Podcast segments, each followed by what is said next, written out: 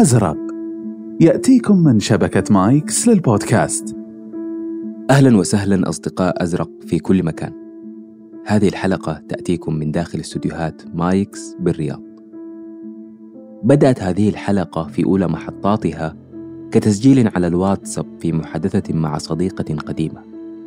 العنوان العريض للمحادثة كان شلال أحزانها الذي لا ينتهي وسؤالها الملح داخل عقلها. متى ينتهي كل هذا؟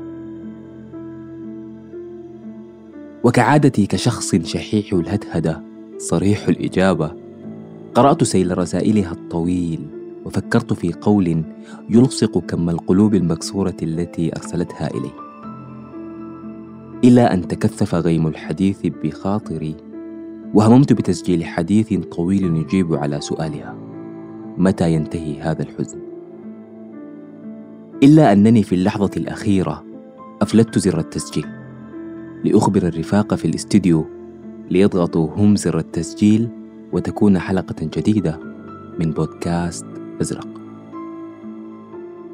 ضل الحديث طريقه إلى بريد الصديقة واستقر في بريدكم أنتم. فطلبي أن تعاملوا هذه الحلقة كتسجيل واتساب من صديق يمل الكتابة ويحب الحديث.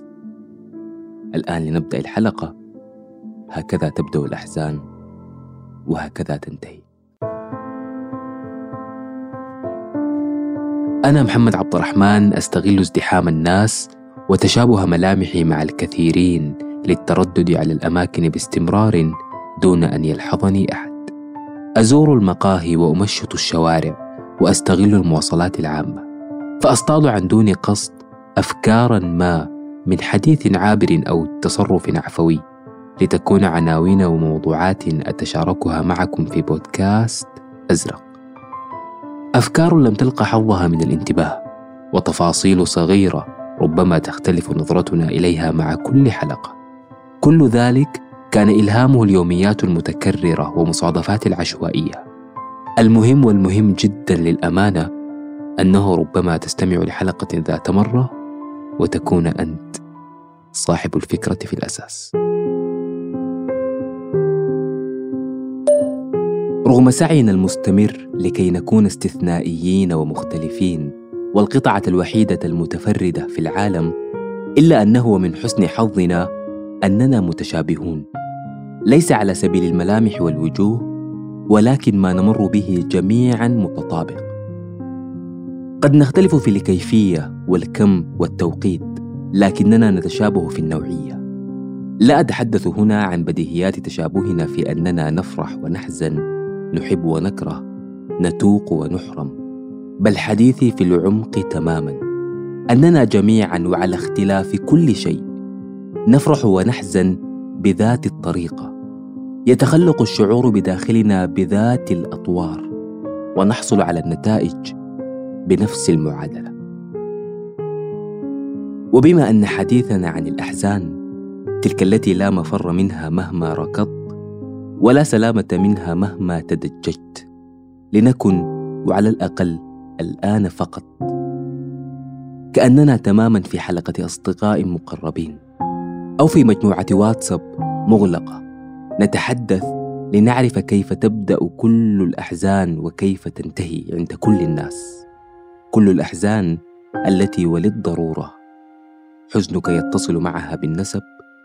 وكل الناس الذين وللضروره أنت منهم.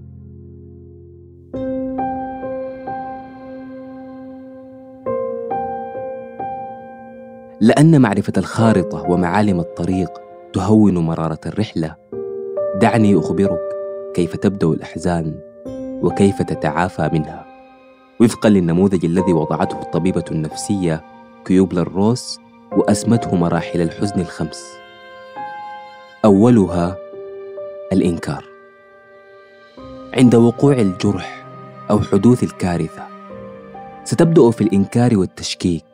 هناك شيء خاطئ ليس هذا ما يقصده. لست أنا المقصود. هناك احتمال لإصلاح. هناك أمل للعودة. وهناك وهناك وهناك. كمحاولة لخلق حيز للتصرف أو التدارك. ثانيا الغضب. بعد أن تبدأ الحقائق في فرض نفسها عليك وتعيد الثقة إلى حواسك التي أدركت ما حدث ستنتفض في وجه الحياة والأقدار ومن أمامك. لخروج الأمر عن المسار الذي رسمته وعدم امتلاكك لطريقة معدة للتعامل مع هذا الألم. في الغالب ستسب وتلعن جهرا أو سرا. ستغلي في صمت أو تثور بالصراخ والبكاء. وغضبك في هذه اللحظات وكما عادة أي غضب سيعميك عن أي طريق يسلك. وستحجب غيمات الدخان كل نجمة يهتدى بها. ثالث المحطات المساومة. كنتيجة حتمية لإنكارك الأول ستبدأ في المساومة والتصرف لإعادة الأمور إلى نصابها. ستعتذر من دون خطأ منك وتقدم تنازلات دون استحقاق منهم. ستثق ثقة الغريق في القشة وتبرر وتوعد وتترجى وتطرق الأبواب وتزور النوافذ حتى تفشل وتستسلم للفشل. ستولد الأمل من واقع عقيم وحقيقة عاقر وتنصر المأمول على المتوقع وسيضعف بصرك وأنت تبحث عن ثقب في الحقيقة المصمتة. الحزن أو الاكتئاب هو رابع محطات هذا المشوار. بعد فشلك في المساومة وتبخر إحلام التدارك هنا سيدق الحزن قيامه. ستمطر السحابة السوداء فوق رأسك. ستجلس ساكنا تجتر مر الذكريات وتستعيد تفاصيل شخصك أو حلمك أو شخصك وأحلامك معه ستعاني انتزاع ما تعلقت به وتمتلئ بمشاعر ثقيلة تعيقك عن الحركة. وتعاتب الأقدار على ما حدث. ستفقد الثقة في القادم وفي الفرص الآتية وفي الناس وفي نفسك. والخطير برأيي في هذه المحطة أنك ستحاول صياغة فلسفتك الخاصة في الحياة وتتبنى قوانينك الجديدة وتطلق أحكامك القطعية على الأشياء.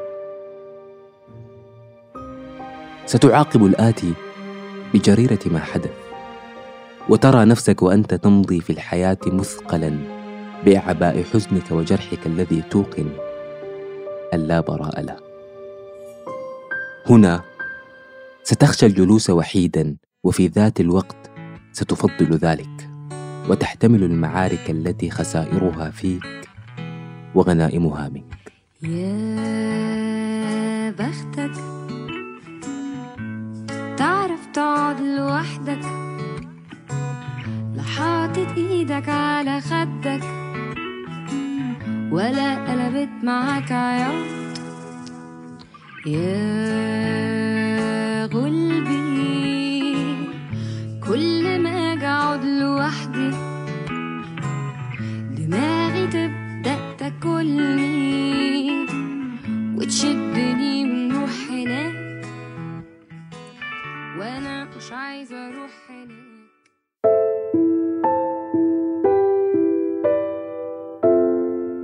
أخيرا التقبل.